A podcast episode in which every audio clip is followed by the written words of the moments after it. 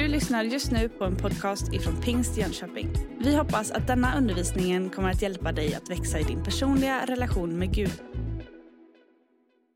Idag är det ju den andra av fyra visionssöndagar som vi har under temat Vi bygger nytt. Och man kan ju fundera över vart är vi på väg och vad är det för bygge vi pratar om? Ja, det handlar ju om att bygga sitt liv som vi har hört. Det handlar om att bygga Guds rike, Guds församling och det goda samhället. Att göra världen och Jönköping till en bättre plats. Förhoppningen de här söndagarna det är att du och jag skulle få lyfta blicken och se att vi är med i någonting större. Det kan vara så här att under den här perioden som vi är inne i just nu så kan det vara så att man kan känna sig ganska ensam och blir det någonting av det vi håller på med? Finns församlingen överhuvudtaget kvar? Vi möts ju inte på samma sätt som vi brukar göra. Men eh, vi önskar att de här söndagarna att vi skulle kunna lyfta blicken och se att vi är många som är med och bygger. Och vi är med i någonting stort, någonting vackert, någonting starkt som handlar om Guds rike, Guds församling. När Israels folk hade blivit befriade från slaveriet i Egypten så var de på vandring under 40 40 år genom öknen. Och det där det var en utmanande tid på många sätt. Men Gud var med dem hela tiden. Och Gud visade sig i en molnpelare om dagen och i en eldpelare om natten så att de visste vart de skulle gå. Och han gav dem allt vad de behövde för varje dag. Vi är också ett folk på väg. Och just nu kan det kännas som ett väglöst land, men Gud han är med oss, han leder oss och han ger också oss vad vi behöver. Och han vill hjälpa oss att gå vidare, ja till och med att bygga vidare och bygga nytt mitt i den här utmanande tiden.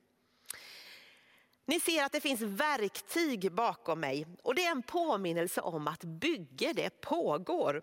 Och att du och jag, vi får vara verktyg i Guds händer. Församlingen, den är ingen sådär utställningshall för färdiga människor. Utan vi är verktyg i Guds händer och han håller på att arbeta med oss. Ingen av oss är färdig. Och i, den här, I det här bygget där får vi vara med, både som medhjälpare och vi får vara de som Gud arbetar med.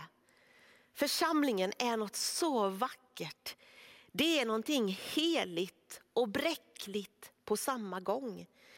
Det är både gudomligt och mänskligt och det är så hoppfullt för här får du och jag vara med, vanliga människor. I Saltaren 127 och vers 1 så står det så här, och jag läser handbok för livet. Om inte Herren bygger huset är byggnadsarbetarnas möda till ingen nytta. Ja, det är väldigt viktigt och det vill vi poängtera att när vi bygger så är det inte så att det är något som vi bygger utan vi är med i någonting som Gud gör. Om inte han bygger, ja men då arbetar vi förgäves.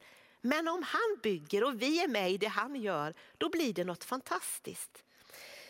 I början av Bibeln, första Mosebok 11, så kan vi läsa om att folket de ville göra sig ett eget namn och bli stora och berömda. Och så började de bygga på Babels torn. Men det var inget lyckat bygge. Det slutade med eh, väldigt stora kommunikationsproblem och att eh, folket skingrades över jorden. Ett annat exempel där det inte gick bra det var i första Mosebok 32. Mose var uppe på berget Sinai och skulle motta budorden ifrån Gud. Folket blev otåligt och så gjorde de sig en gud, en guldkalv som de både tillbad och dansade och offrade till.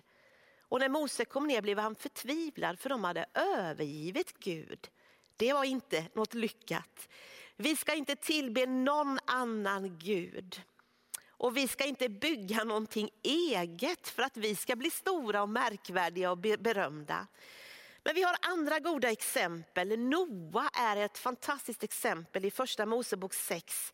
Han gjorde allt som Gud hade sagt och så fick han bygga en ark som blev till räddning för hans familj och för många djur. Många räddades av det bygget han höll på med. Nehemja bok är ett annat fantastiskt exempel. Nehemja han fick vara med och leda uppbyggnaden av Jerusalems nedbrutna murar. Det började med en djup nöd i Nehemjas hjärta. För folket, för staden, för situationen. Han började be, han började fasta och Gud gav honom hur han skulle arbeta. Han fick med sig människorna, han fick med sig folket. Var och en hittade sin plats. Och fast det var motstånd och det var svårigheter så kunde det här bli färdigt på kort tid. Därför att Gud var det som ledde detta och Nehemja var Guds medhjälpare. Så när Gud får vara byggmästaren och vi människor är medhjälpare, då lyckas det. Både när det handlar om våra liv och när det handlar om bygget av församlingen. Och idag vill jag tala om att bygga församling. Många projekt de uppstår och de slocknar. Men församlingen står oövervinnlig i världen. Också när det handlar om pandemi och olika saker som vill splittra oss och slå sönder så kan ingenting faktiskt få församlingen att slockna. Församlingar växer över hela jorden, överallt där budskapet om Jesus Kristus förkunnas. Vad är hemligheten? Jo, hemligheten är att Gud själv är arkitekten till församlingen. Den här kyrkan som vi är i just nu, Pingstkyrkan i Jönköping, firar snart 40 år sedan den invigdes. Det finns en arkitekt bakom den här kyrkan som heter Stig Axell. Han är medlem i vår församling. Och han har ritat den här och vi är så glada för vår kyrkobyggnad. Den är till stor välsignelse. Men kyrkan är inte samma sak som församlingen. Här samlas vi. Så fort vi har möjlighet så ska vi öppna upp och samlas här. Men församlingen, ritningen till församlingen, arkitekten till själva församlingen, det är Gud själv. Och den har han haft ifrån tidernas början. Vi läser i Efesierbrevet 3, vers 8-10 så här. Det säger Paulus. Ja, den allra mest obetydliga av alla heliga har fått denna nåd att ge hedningarna budskapet om denna outgrundliga rikedom som finns i Kristus. Att upplysa alla om planen med den hemlighet som från bör världens början varit dold hos Gud som har skapat allt. Nu skulle härskarna och makterna i himlarymderna genom kyrkan få kunskap om Guds vishet i hela dess mångfald. Gud har haft planen, ritningen för församlingen från början. Ända sedan världens skapelse. Och det är viktigt att vi ser det att Gud är arkitekten. Men han är också byggmästaren. Det är skönt att veta. I Matteus 16 från vers 15 så kan vi läsa om att Jesus, han får fråga, eller Jesus frågar sina lärjungar, vem säger folket att jag är? Det där är en väldigt avgörande fråga hur vi ser på Jesus och vem han är. Och sen frågar Jesus så här, och ni, frågade han sina lärjungar, vem säger ni att jag är? Då svarade Petrus, du är Messias, den levande Gudens son. Och jag säger dig att du är Petrus klippan och på den klippan ska jag bygga min kyrka. Och dödsrikets portar ska aldrig få makt över den. Jag ska ge dig nycklarna till himmelriket. Allt du binder på jorden ska vara bundet i himlen och allt du löser på jorden ska vara löst i himlen. Jag ska bygga, sa Jesus. Sen får Jesus tillbaka till himlen, men han sände sin helige ande. Och så började och fortsatte det här bygget och det har fortsatt i alla tider sedan dess. Församlingen byggs över hela jorden. Där Guds eh, evangelium förkunnas så byggs församlingar. Det är en mäktig institution, Guds församling. Och det finns ingen gräns på vad Gud kan göra genom en församling som överlåter sig till Gud och vill vara verktyg i hans tjänst. Ja, som juridisk person eller som förening, ja, så kan ju församlingen vara organiserad. Så kan en församling upplösas, det vet vi. Men inte om vi förstår och inser vad församlingen egentligen är. I Bibeln så kan vi läsa om olika dimensioner av vad församlingen är. Vi kan läsa om att alla kristna på den här jorden är Guds kyrka. Vi kan läsa om den lokala församlingen, precis som Pingst Jönköping är en församling. Vi kan också läsa om ett perspektiv som är den lilla hemgruppen eller smågruppen som vi kallar det, som är så viktig i den här tiden.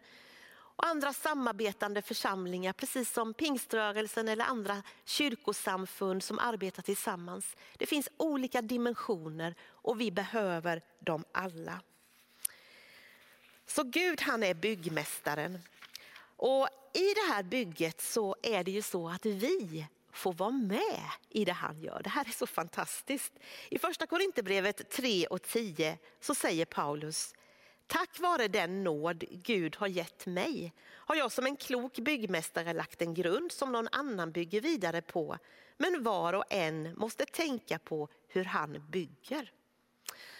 Ja, det är ju precis som vi föräldrar som låter våra barn när de är små vara med och hjälpa till. Fast egentligen kanske det blir lite, ja inte så enkelt för oss som föräldrar när barnen är med. Men vi, vill ha med våra barn och så småningom så växer de till och kan faktiskt göra mer och mer nytta. Och jag tänker att det är på samma sätt med Gud. Vi får vara med i hans verk, vi får vara hans medhjälpare. Och det står att det är så viktigt hur vi bygger.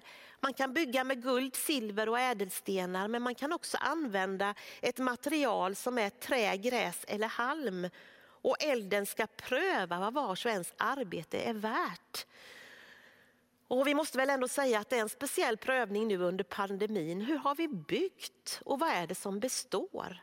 Har jag byggt mitt liv som vi hörde på en grund som håller även när jag inte kan samlas tillsammans med andra på gudstjänst som jag brukar göra? Och hur bygger vi församling tillsammans?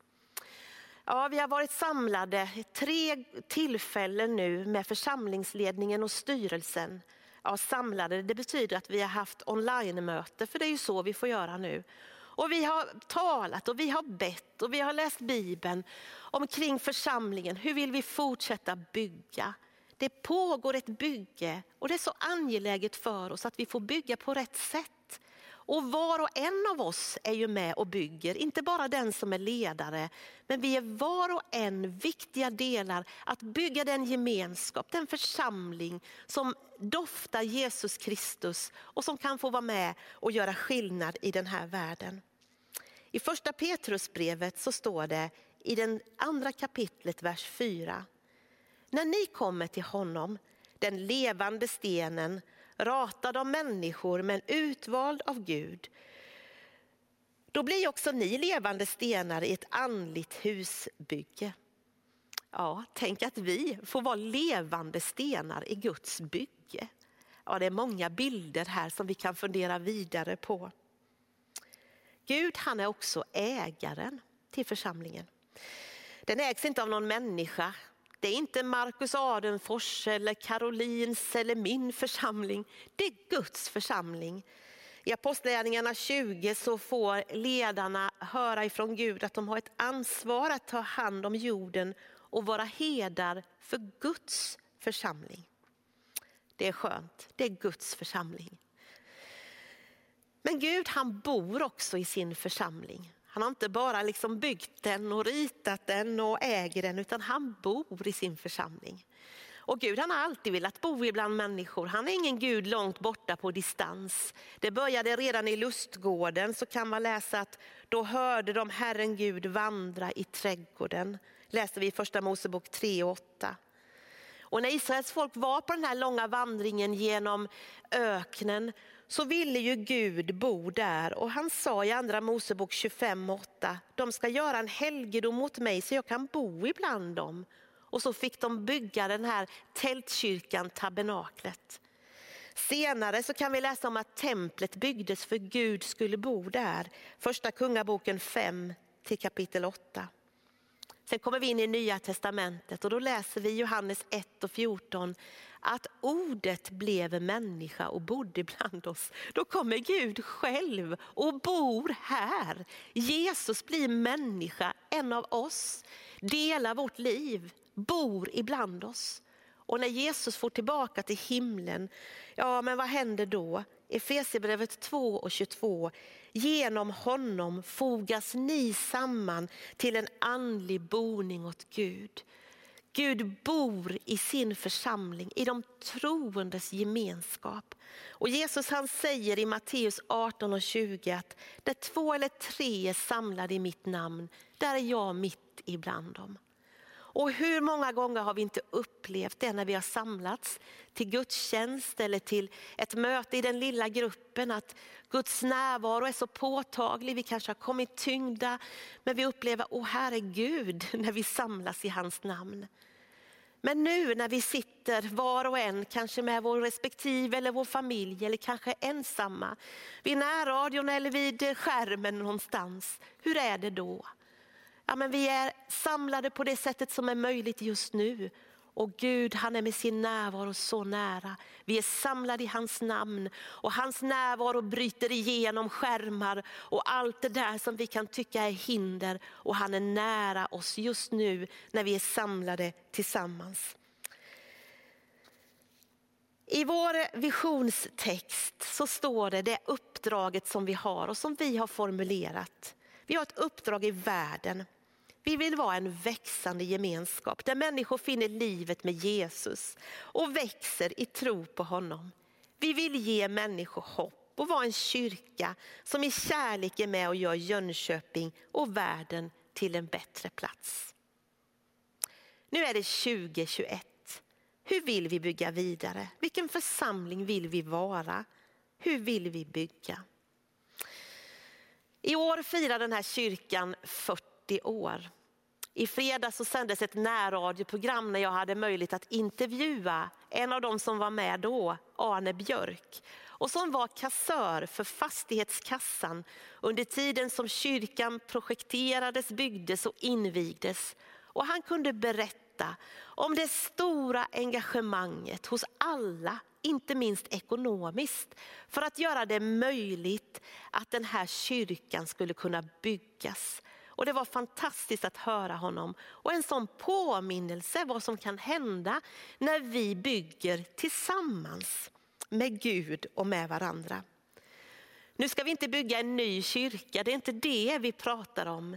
Men vi ska bygga vidare på det som är församlingen, vår gemenskap. Vi ska bygga och göra Jönköping och världen till en bättre plats.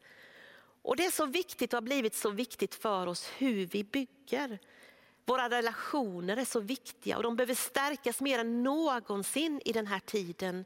Och vi, vi, vi behöver bygga omsorgen mycket starkare. Och där behöver vi och får alla vara med. Att göra Jönköping och världen till en bättre plats.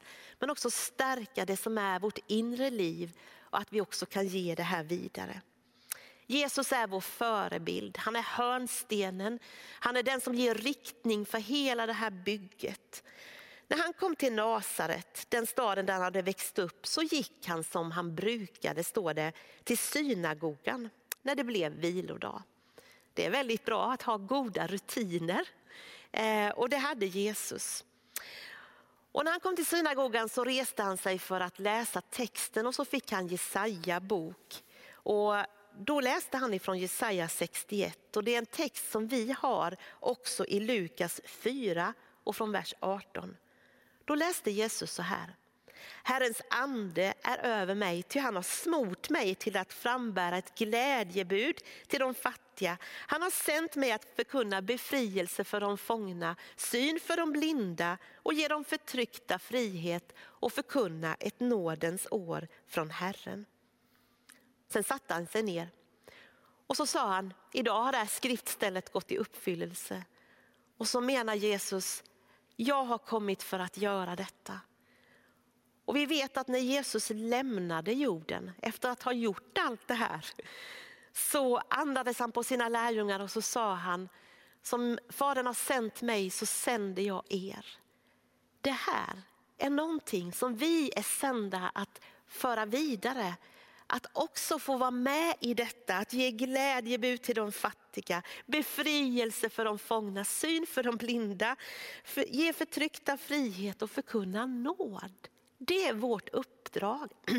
Och det är så vi vill bygga församlingen, bygga vår gemenskap. Det handlar om det här som Jesus sa och det Jesus gjorde, att gestalta honom. Men vad kan det betyda? Glädjebud till de fattiga. Ja, men det finns så många olika sorters fattigdom, ekonomiskt naturligtvis.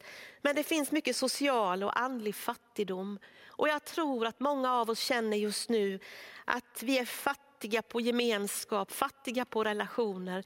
Men tänk att vi kan få ge det här vidare, ett glädjebud till den som är fattig. Öppna vår gemenskap.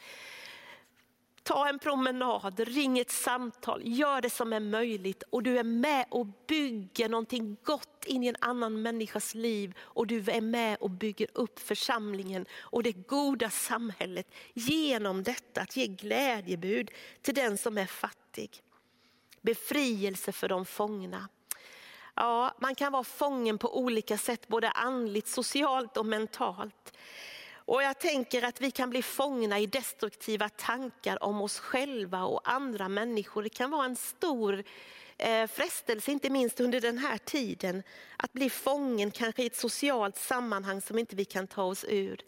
Men Jesus han kan befria och vi kan få vara med och förmedla den här befrielsen och tala liksom Guds tankar in i en annan människas liv så man får bli befriad ifrån destruktiva tankar. Syn för blinda, det kan handla både om fysisk sjukdom, men det kan handla om den här mentala blindheten där vi totalt tappar hoppet och har svårt att navigera.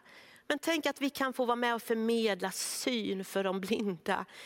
Eh, och visa på att det finns ett hopp det finns en väg. Precis som Gud ledde Israels folk med en molnpelare och en eldpelare så vill han leda dig och han vill leda mig. Han vill leda sin församling. Han vill ge syn för de blinda.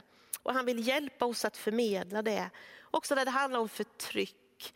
Och Guds ord talar mycket om det här att Gud han har skapat oss alla till sin avbild. Och så fort människor förtrycker varandra så är det som att Gud, han, ja, det händer någonting. Gud han, han har skapat rättvisa och rättfärdighet, det är Guds väsen. och all, allt förtryck och all orättfärdighet, det får vi vara med och bryta i Jesu namn. Allt det här som förtrycker andra människor, om det så handlar om kön, eller ras, eller religion eller social bakgrund, så får vi vara med och bryta detta och förkunna att det finns nåd.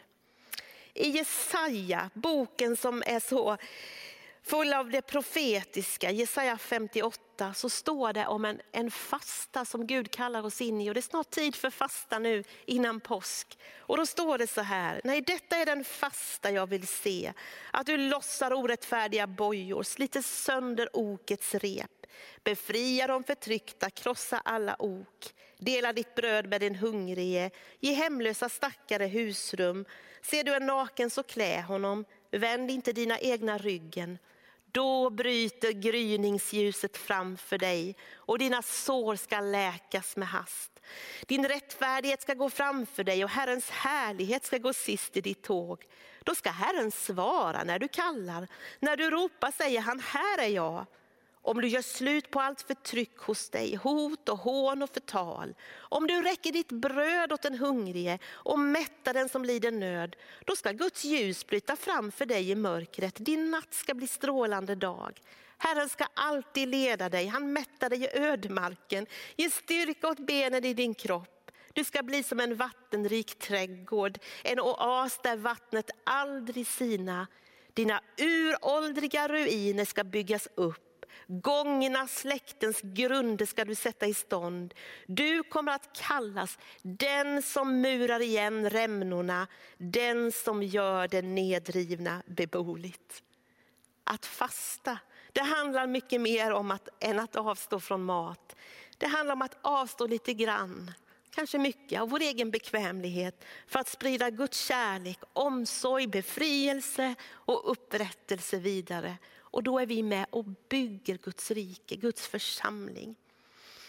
Vi bygger Guds församling med våra liv, med våra ord. Genom våra ord kan vi vara med och bygga upp. Men vi kan också vara med och riva ner. Vi kan vara med och såra, trampa och förstöra. Men vi kan vara med och bygga upp och välsigna. Med våra handlingar kan vi vara med och bygga upp människor, bygga upp sammanhang, bygga någonting gott men vi kan också använda våra tillgångar, våra handlingar till att riva ner. Men låt oss stå i den här tjänsten att vara med och bygga upp. En oerhört viktig del av bygget av Guds församling, av Guds rike, det är bönen. Och jag vill bara säga att första Timoteusbrevet, det andra kapitlet talar att först och främst så uppmanas vi till bön och åkallan, till förbön och tacksägelse för alla människor. Och Vi kan tycka ibland, och ibland hör jag människor säga, jag kan inte göra någonting annat än att be. Men det här är så viktigt det som sker i den osynliga världen. Så sker ett bygge i den andliga världen som kommer att synas i den synliga världen. Så fortsätt att be. Och Jesus lär oss i bönen Fader vår, Matteus 6 och 10, att vi ska be, låt ditt rike komma, låt din vilja ske. Och det är en sån viktig bön. För ett par söndagar sedan så talade Anna-Kajsa om att, eh, att ge evangeliet till kommande generationer, att, eh, att vi står tillsammans. Finns det något viktigare vi kan göra än att lära våra barn att bedja, att uppmuntra varandra att bedja? Ni ska alldeles för strax nu ska få se ett litet filmklipp av en av våra äldre medlemmar, en av dem som är förebedjare, som eh, står och har stått tillsammans med oss i många år. Och vi kommer att få höra mer filmklipp längre fram, men en liten, liten glimt av vad hon säger. Ingrid Tjernén som finns på Lindgårdens trygghetsboende. Det började när jag var liten. Det började med Gud som haver. Och jag bodde hos mormor och hon läste Fader vår. Och den kunde jag redan som ettåring nästan, så fort jag kunde tala. För hon bad den varje kväll. Och hon bad också Herrens välsignelse över mitt liv. Så det har börjat i bön och jag hoppas att det får sluta i bön. Det har börjat i bön och jag hoppas det ska få sluta i bön. Det tycker jag var väldigt fint. Det tar vi med oss. Till slut, vi talar väldigt mycket nu om att vi vill vara som församling ett hoppets hus. A house of hope. Att ge hoppet vidare. Och det här, det börjar med ditt och mitt liv. Att vi får vara bärare som personer av hoppet inom oss. Att vi får ge det vidare. Att våra hem, våra gemenskaper får bära hopp. Och att vi tillsammans får stå tillsammans och bli den här hoppets gemenskap. Det är det här vi vill bygga, det är det här vi vill gestalta. För Gud, han är hoppets Gud. Nu ska vi be tillsammans och du ska få möjlighet att vara med i den bönen. Och jag tror att Gud han kallar oss den här tiden till att på nytt igen överlåta våra liv i hans händer. Att vara redskap i hans hand, att vi får formas av honom till att bli det han har tänkt. Och här får vi överlåta de vi är, de gåvor vi har, de erfarenheter vi har, men också våra misslyckanden. För i hans händer så kan han använda allt det där, bara vi ger oss som villiga eh, verktyg i hans hand så kan han använda det till att bygga något vackert, något stort. Och så vill vi särskilt också be för dig som kanske inte någon gång har tagit emot Jesus Kristus i ditt hjärta. Eller att du upplever att just nu så är det mörkt och du saknar hopp. Men i en enkel bön där du bara bjuder in Jesus Kristus i ditt liv så vill han komma. Han tränger sig inte på, men han kommer när du bjuder honom in. Du får be om förlåtelse för dina synder och du får bjuda honom in och hoppet flyttar in i ditt liv. Vi ber tillsammans och våra onlinevärdar finns om du tittar på det här live och de ber gärna tillsammans med dig. Det finns en liten hand du kan trycka på som ett tecken att jag vill att någon ska hjälpa mig att be. Gör gärna det. Vi ber tillsammans. Jesus, jag tackar dig för att du är hoppets Gud. Och jag tackar dig att vi människor får vara med i ditt verk. Tack att vi får, får ha en församling där det pågår ett bygge mitt under pandemin. Och Herre, vi är många tror jag just nu som vill lägga våra liv i dina händer och säga använd mig på det sättet som är möjligt just nu. Herre, jag ber och tackar dig för att vi var och en har en viktig funktion att bygga din församling. Och jag ber för alla som lyssnar just nu, att vi var och en utifrån det du har lagt i våra liv ska få vara med och bygga upp. Men Herre så ber jag alldeles särskilt också för den som kämpar just nu, som har det tungt i livet. Tack att du kommer med ljus. Och du hör den som just nu vill bjuda in dig i sitt liv. Tack att vi får be tillsammans. Jesus Kristus, jag vill tro på dig och jag vill följa dig. Förlåt mig mina synder och flytta in i mitt liv. Bli min Herre. Jag vill följa dig. Tack att jag får vara ditt barn. I Jesu namn. Amen. Du har just lyssnat på en podcast ifrån Pingst Jönköping. För att få reda på mer om vilka vi är och vad som händer i vår kyrka så kan du gå in på pingstjonkoping.se eller följa oss på sociala medier via pingstjkpg.